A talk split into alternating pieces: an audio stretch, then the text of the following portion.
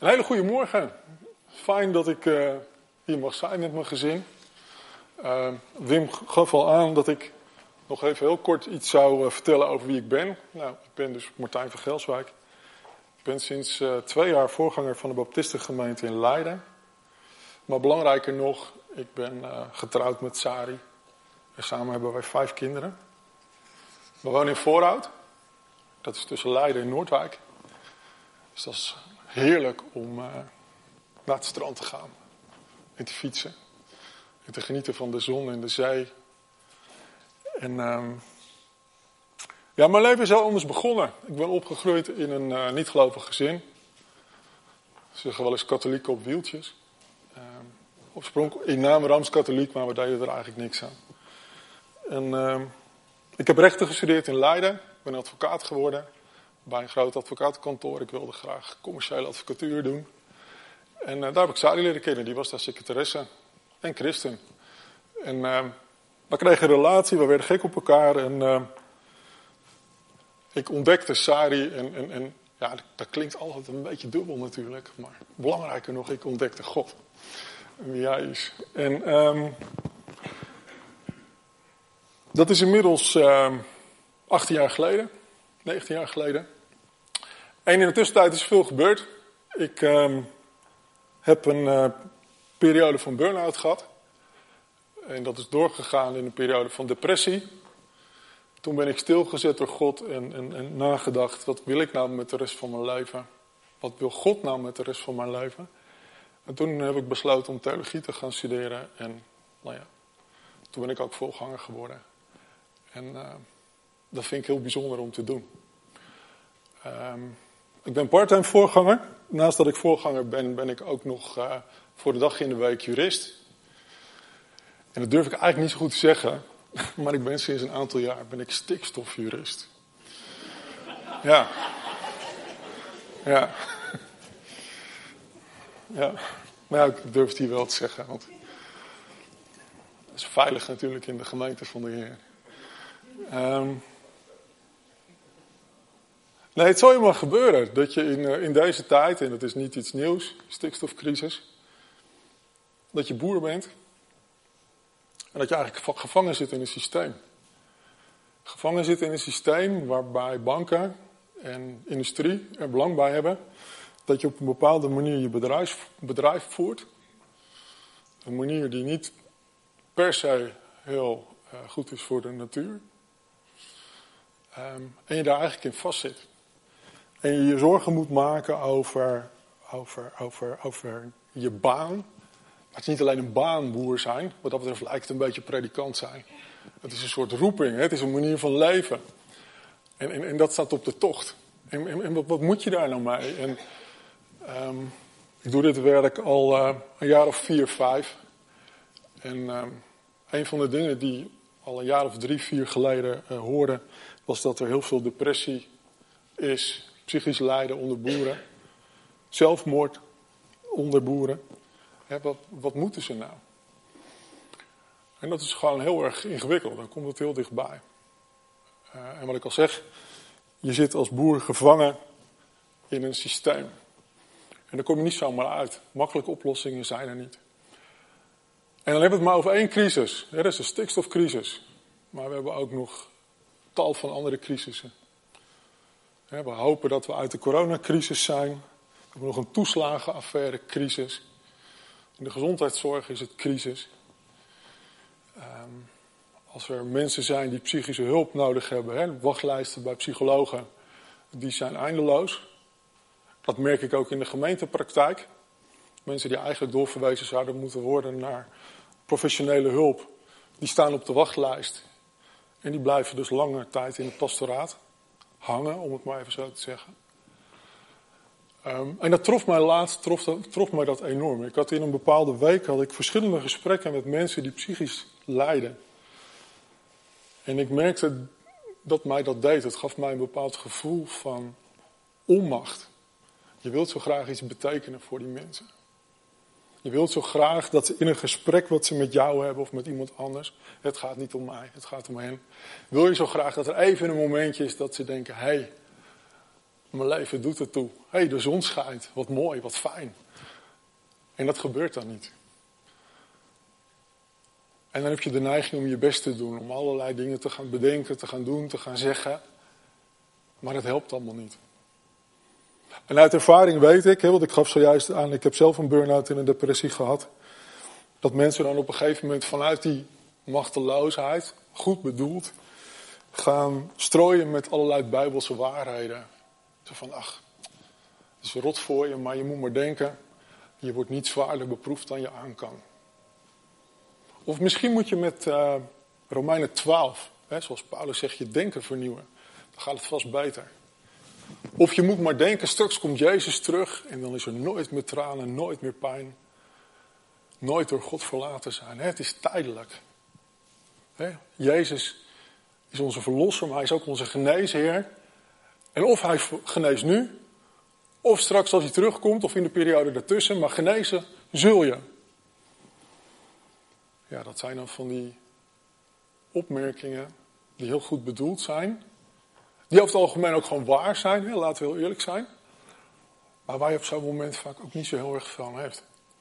Want je zit in een diep dal.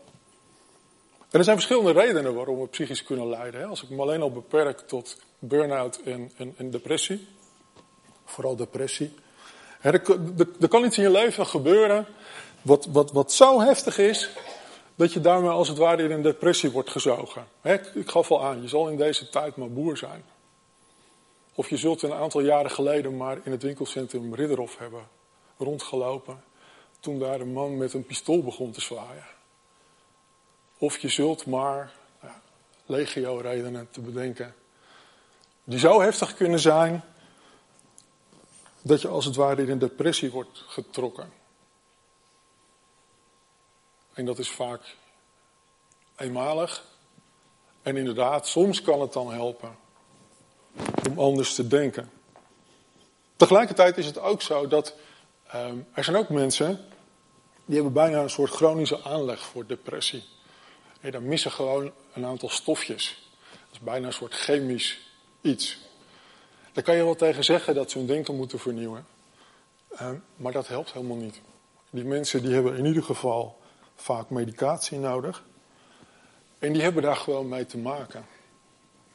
Ehm, wij zijn heel erg gericht op ehm, lijden moet er niet zijn. En laten we eerlijk zijn, lijden is natuurlijk ook gewoon vervelend. Als je je teen stoot en het doet pijn, dan wil je graag dat die pijn zo snel mogelijk weggaat.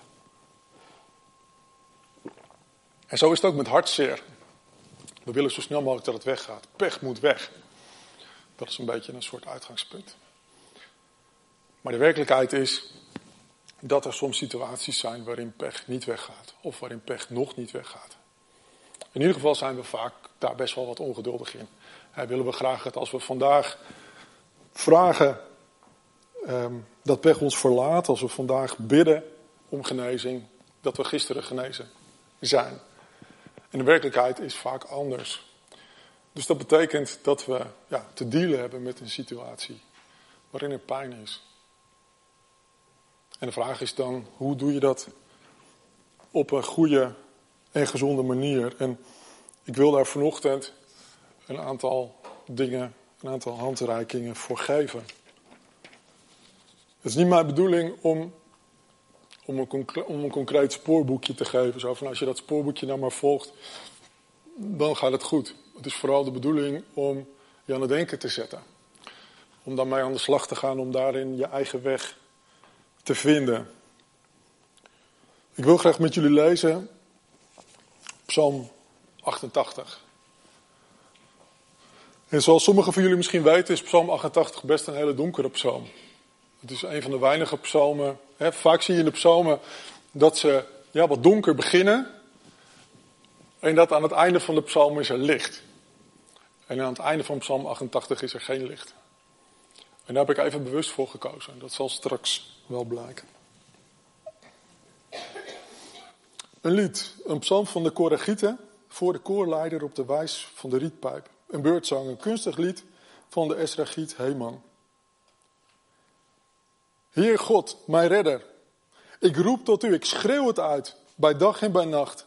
Laat mijn gebed u bereiken. Luister naar mijn klagen. Ik word door rampen bezocht. Mijn leven nadert het dodenrijk. Ik hoor bij wie afgedaald zijn in het graf. Ik ben als een man aan het eind van zijn krachten. Als een naamloze dode ben ik. Als een gesneuvelde in een massagraf, aan wie u niet langer denkt. Losgerukt uit uw hand. U hebt mij onder in de kuil gelegd. In het duister van de diepte. Uw toorn drukt zwaar op mij. Uw golven slaan over mij heen. Bekende hebt u van mij vervreemd. Afgrijs roep ik bij ze op. Ik ben ingesloten en zie geen uitweg meer. Mijn ogen zijn dof van ellende. Ik roep u aan, Heer, elke dag en strek mijn handen naar u uit. Doet u wonderen bij doden? Staan schimmen op om u te loven? Komt uw liefde in het graf ter sprake of uw trouw in de afgrond? Weet men in de duisternis van uw wonderen of van uw weldaden in het land der vergetelheid? Daarom roep ik u om hulp, Heer. Elke morgen nader ik u met mijn gebed. Waarom, Heer? Waarom verstoot u mij en verbergt u voor mij uw gelaat? Ik ben verzwakt. Van jongs af aan in doodsgevaar. Verbijsterd moet ik uw woede verduren. De gloed van uw toorn overweldigt mij. Uw verschrikkingen maken mij sprakeloos. Als water omringen ze mij dag aan dag. Van alle kanten sluiten ze mij in. Mijn beste vrienden hebt u van mij vervreemd. Mijn enige metgezel is de duisternis.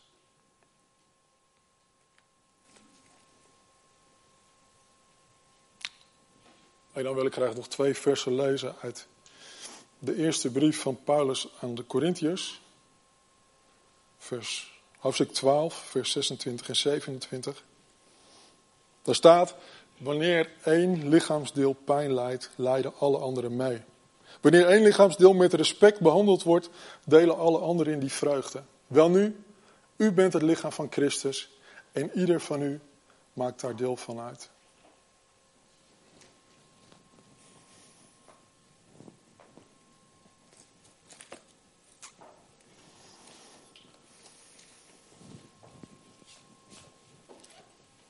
Nou, ik denk dat ik niks te veel heb gezegd toen ik zei dat Psalm 88 een donkere psalm is.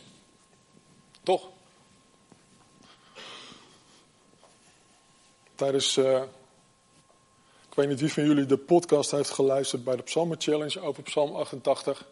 Maar degene die die podcast heeft ingesproken, die zei dat je als liturg de gemeente niet echt een plezier doet door ze Psalm 88 te laten zingen. Nou, op dezelfde manier doe ik u misschien ook niet zo'n plezier door Psalm 88 te lezen. Maar toch, het is het woord van God en ik denk dat het belangrijk is om daar vanochtend bij stil te staan. Wat we zien is duisternis. Wat we zien is een man, de psalmist, die lijdt, die het moeilijk heeft. Die zich alleen voelt, verlaten voelt. Je kunt je zelfs afvragen in hoeverre de psalmist echt zijn hoop nog gericht heeft op God. aan de ene kant roept hij God aan met mijn redder. Hij weet dus waar zijn redding vandaan komt. Het is alleen even de vraag of dat verstandelijk weten is, of dat dat ook nog weten met je hart is. Maar goed, we kunnen het hem niet vragen. Als we de rest van de psalm lezen, dan valt eigenlijk op dat naarmate je verder in de psalm komt, je moet dat misschien thuis toch maar eens rustig nalezen, de psalm eigenlijk steeds zwarter wordt. Hij wordt steeds donkerder. alsof, het, alsof het iemand is die, nou, maar zo te zeggen, depressief is. En naarmate de psalm volgt, steeds depressiever wordt. Het is een soort negatieve spiraal naar beneden.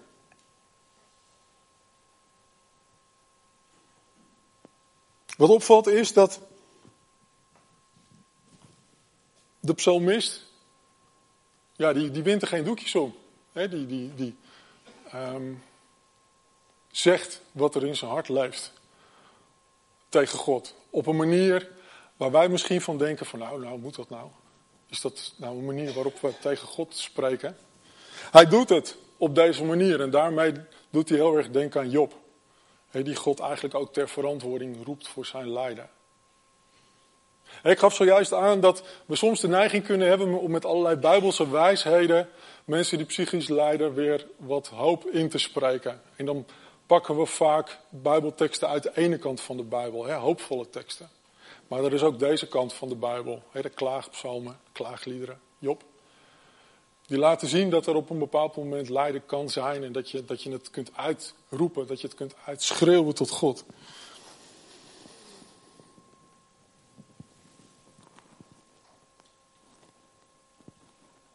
Wat ook opvalt is dat de psalmist heel makkelijk het woord dood gebruikt. En, en, en bij ons is dood echt alleen het tegenovergestelde van leven, zou je kunnen zeggen.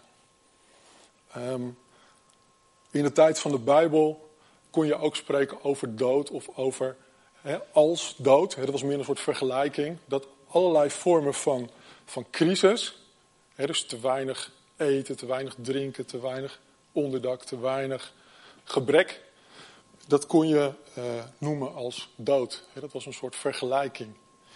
Um, en, uh, dus in die zin um, blijft de psalm een heftige psalm, doordat er zoveel over dood wordt gesproken. Maar we mogen ons wel realiseren dat in de tijd van de psalmist het woord dood wat makkelijker in de mond werd genomen dan nu. Een hele um, heftige psalm dus. En wat mij vooral raakt, is dat, deze, dat de psalmist zich zou verlaten voelt. Hij voelt zich helemaal alleen. En dan geeft hij ook God nog de schuld van. Eigenlijk zegt de psalmist: U heeft mijn vrienden van me afgepakt. En u heeft mij in het graf gelegd. Als je hem heel erg kort door de bocht vertaalt, dan zegt de psalmist eigenlijk tegen God: U maakt mij dood. Dat is heftig. Dat is heftig. En toch denk ik dat daar de eerste bouwsteen ligt voor het omgaan met lijden die ik vanochtend wil bespreken. Het woorden geven aan, aan lijden. Lijden zoals het, zoals het is. Ruimte om te klagen.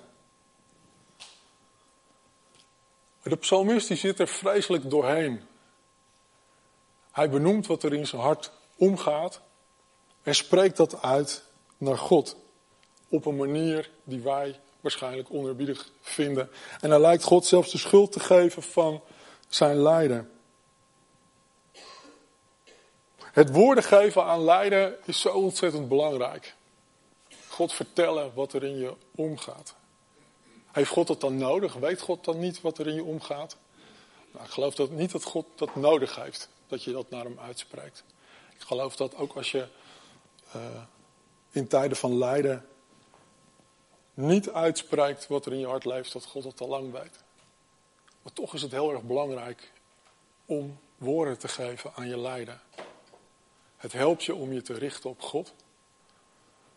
Het helpt je om te bedenken dat God inderdaad je redder is, zoals de psalmist ook zegt in vers 2. Het helpt als het ware, het, je, je maakt ermee als het ware ruimte voor God om in de situatie te komen. Heeft God het dan nodig dat jij ruimte maakt? Nee. Maar het is wel een principe dat God vaak zo werkt. En je ziet dat ook in de evangeliën waar Jezus een zieke geneest. Dat Jezus ook vaak aan de zieke vraagt van, wat wil je dat ik doe? Ja, weet Jezus dan niet wat die zieke wil? Ja, natuurlijk weet hij dat wel.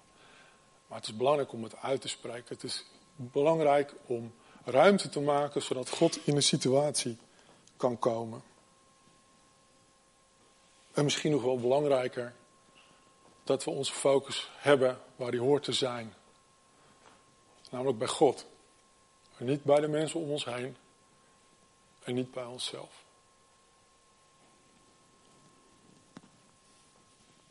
En als we naar God gaan, dan doen we dat in alle openheid, eerlijkheid en kwetsbaarheid. Tenminste, dat doet de psalmist wel. En ik denk dat we de psalmist dat mogen nadoen. Maar hoe zit het in de relatie met de mensen om ons heen? In het gezin, met je partner, met je ouders, met je vrienden. Hoe spreek je met hen over wat er in je hart omgaat? Heel vaak, en ik denk dat wij als christenen daarin geen, niet anders zijn dan, dan, dan mensen van de wereld, om het maar zo te zeggen, denk ik dat wij een masker opdoen. We proberen eigenlijk te doen alsof het allemaal wel oké gaat. En dat merk ik in pastoraat ook wel. Dat je dan met mensen spreekt en dat ze dan in eerste instantie met, met diezelfde Bijbelse waarheden komen. Zo van ja, Martijn, je hebt toch een gesprek met, met, met, met, met, met de pastoraal werker of met de voorganger of weet ik veel. Ja, nou ja, ik moet maar denken, ik ga een hoopvolle toekomst tegemoet. En soms proef je gewoon dat dat, het dat dat de houvast is van mensen. Dat ze zeggen, ja, ik ga een hoopvolle toekomst tegemoet en daarom kan ik deze situatie aan. Maar helaas kom ik ook in veel situaties waarin mensen dat wel zeggen. En dan denk ik, geloof je dat eigenlijk wel? Heb je daar op dit moment wat aan of is dit gewoon iets wat je zegt? Is dit een masker die je ophoudt, een soort vrouwmasker?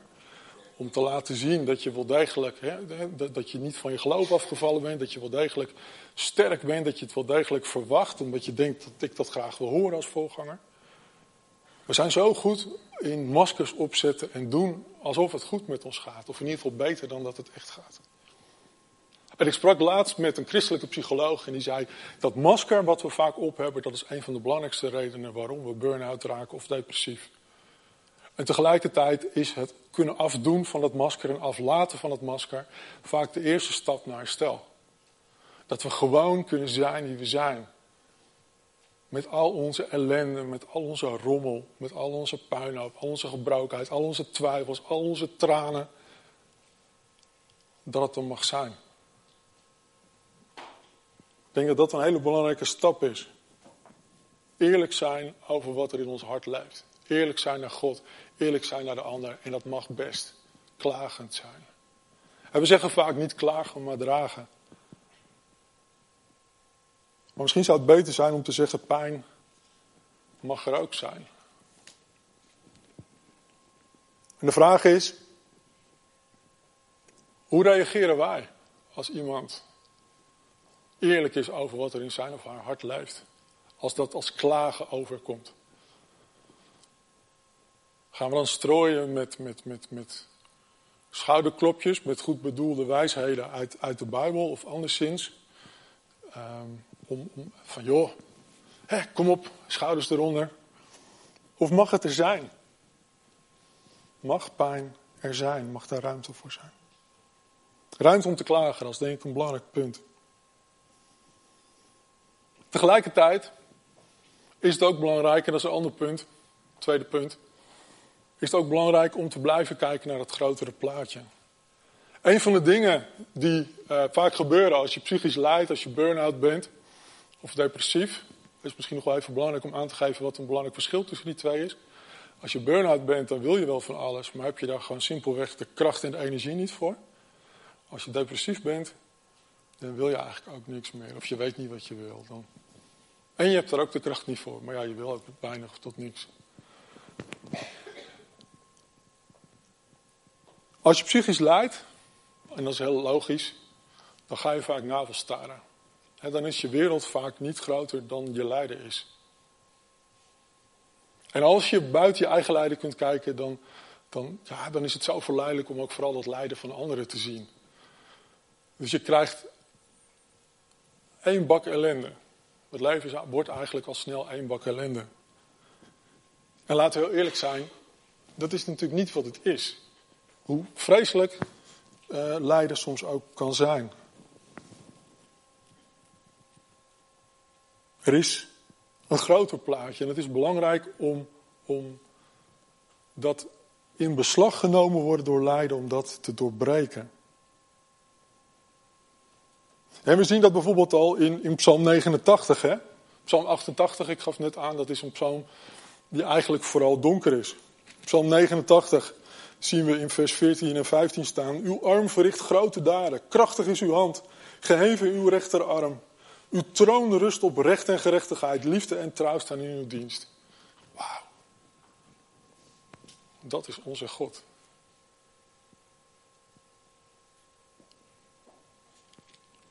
En als we dan weer teruggaan naar Psalm 88, dan staat daar. Doet u wonderen bij doden, staan schimmen op om u te loven. Komt uw liefde in het graf ter sprake of uw trouw in de afgrond? Weet men in de duisternis van uw wonderen of van uw weldaden in het land der vergetelheid? De psalmist lijkt te denken dat de macht van God ophoudt bij de grens van het dodenrijk.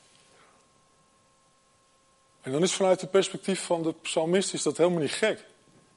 Daarom roep ik u om hulp, Heer. Elke morgen nader ik u met mijn gebed. Stel je voor dat de psalmist straks in het dodenrijk ligt, dan kan God er niet meer bij. Maar als wij de hele Bijbel van kaf tot kaf lezen, dan weten we dat God wel bij dat dodenrijk kan. Want onze Heer Jezus Christus, we hebben ervan gezongen. Hij is gekruisigd, gestorven, dwars door het dodenrijk gegaan en opgestaan.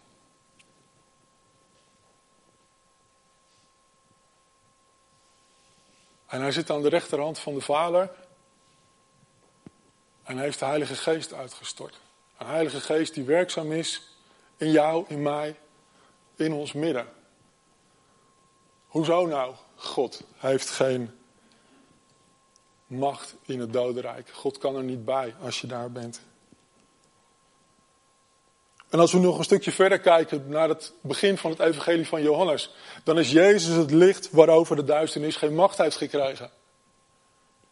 Hallo, als wij psychisch lijden, dan hebben we het idee dat die duisternis alles is wat er nog is. Maar we mogen weten vanuit het woord van God dat diezelfde duisternis die om ons heen is en die soms dan ook voelt alsof hij in ons is, dat die geen macht heeft gekregen over onze Heer Jezus Christus. En in de bergreden zegt Jezus, zalig de treurende, want zij zullen getroost worden. Ja, dat gaat over jou op het moment dat je diep zit. Je zult getroost worden. Je weet alleen nog niet wanneer.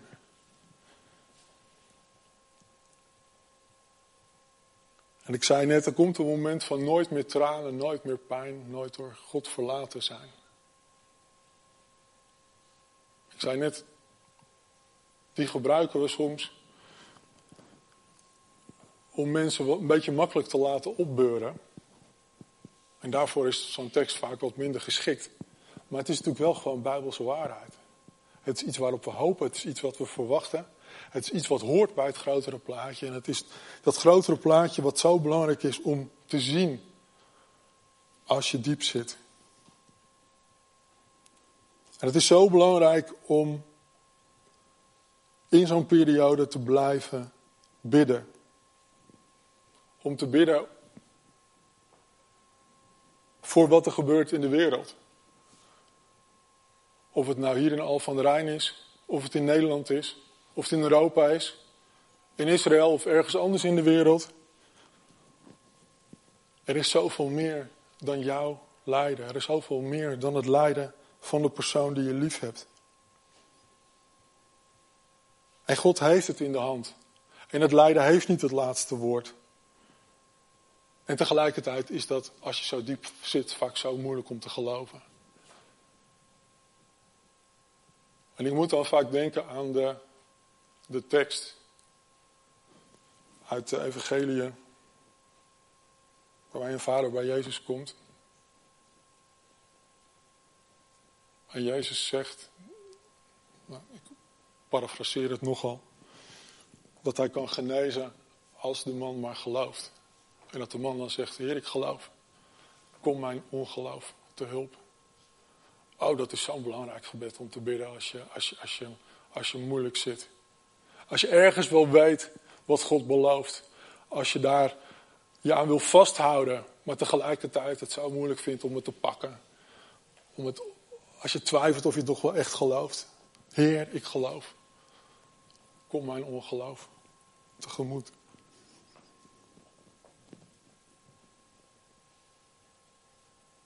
Dan kom ik bij het derde en laatste punt. Het is vooral ook heel erg belangrijk om niet alleen door lijden heen te gaan. vandaar dat ik ook zei, samen door lijden heen. En wat is het dan een ontzettende troost om te weten dat er geen put zo diep is. Of je vindt Jezus op de bodem. We lezen dat in het begin van de Hebreeënbrief.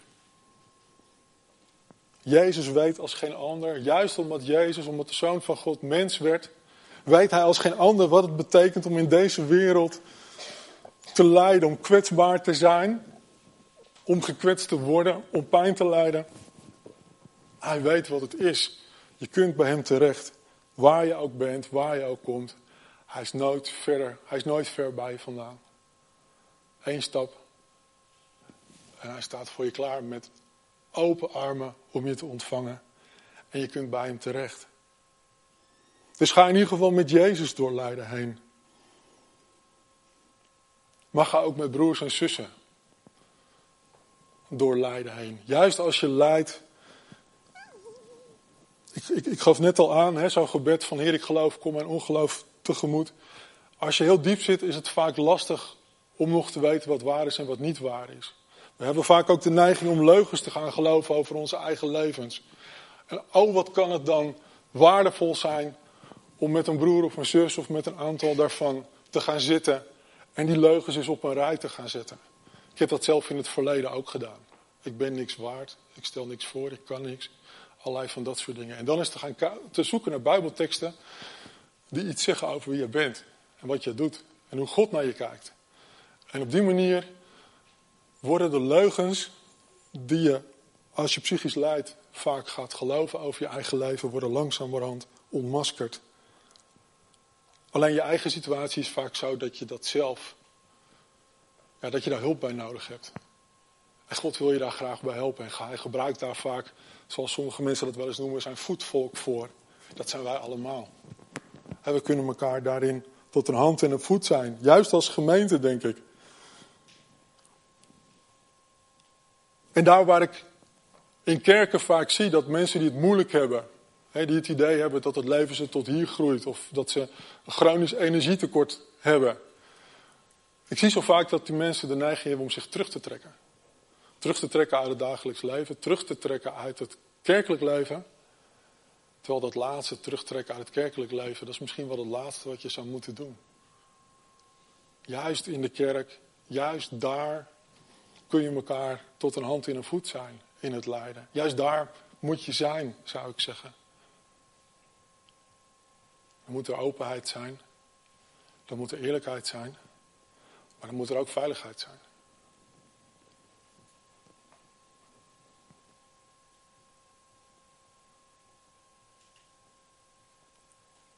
Het is ook heel belangrijk om er juist voor elkaar te zijn. We hoeven niet altijd iets te zeggen. We mogen inderdaad met elkaar uh, op zoek gaan. Het, het, het ontmaskeren van leugens over elkaars leven. Het op zoek gaan naar bijbelse waarheden. Maar het kan soms ook zo fijn zijn voor iemand die psychisch lijdt als er gewoon iemand naast hem of haar op de bank zit en zegt, joh, het is rot voor je. En dat je verder stil bent. Dat je, gewoon kunt, dat je er gewoon bent. En juist in lijden zien we dat we vaak woorden tekortkomen. Dat onze woorden opdrogen. Dat geldt in ieder geval voor degene die psychisch lijdt, maar vaak ook voor degene die ernaast staat. Weet op een gegeven moment niet meer wat hij moet zeggen dan is het zo ontzettend belangrijk om te bidden. En een van de mooie dingen uit onze, uit onze traditie is dat wij gewoon vrij bidden. we komen tot God en, en, en, en we benoemen wat er in ons hart zit. Maar als onze woorden zijn opgedroogd, dan weten we soms ook niet wat, wat we tegen God moeten zeggen. Nou, dat kunnen we natuurlijk zeggen. Maar we kunnen ook bidden met de psalmen bijvoorbeeld. Hè. Veel psalmen, we hebben nu psalm 88, staan dingen beschreven die soms zo dichtbij komen bij wat wij ervaren, bij wat wij meemaken, dat wij een psalm zouden kunnen bidden. Of er zijn vanuit andere kerkelijke tradities zijn er ook allerlei gebeden, overgeleverde gebeden die we kunnen bidden. En we kunnen natuurlijk ook voor elkaar bidden. Het feit dat mijn woorden misschien zijn opgedroogd omdat ik het niet meer weet, betekent niet dat de woorden van mijn broer of zus ook zijn opgedroogd. Hij of zij kan voor mij bidden. Dat is zo ontzettend mooi. We kunnen zelf tot de Vader komen, maar we kunnen ook voor elkaar bij de Vader komen. Dat is zo ontzettend belangrijk om te doen. Laten we er dus oog voor hebben dat we juist als gemeente lijden niet zien als, als iets waar een individu mee te maken heeft. Maar zoals Paulus zegt, als één lijdt, dan lijden we allemaal mee. Laten we elkaar helpen door lijden heen. Laten we ruimte maken voor openheid en eerlijkheid over wat er in onze harten leeft. Zelfs voor klagen, zoals de psalmist van Psalm 88 doet. Laten we elkaar helpen om steeds dat grotere plaatje in, het oog te houden. Dat de wereld niet wordt versmalt tot ons eigen lijden. Maar dat we het grote, hoopvolle plaatje van de Bijbel mogen blijven zien met elkaar. En echt, daar hebben we elkaar voor nodig. Want dat is soms zo lastig om dat in je eentje te blijven doen. En laten we het vooral samen doen. Laten we samen in de naam van Jezus elkaars lijden dragen als gemeente. Amen.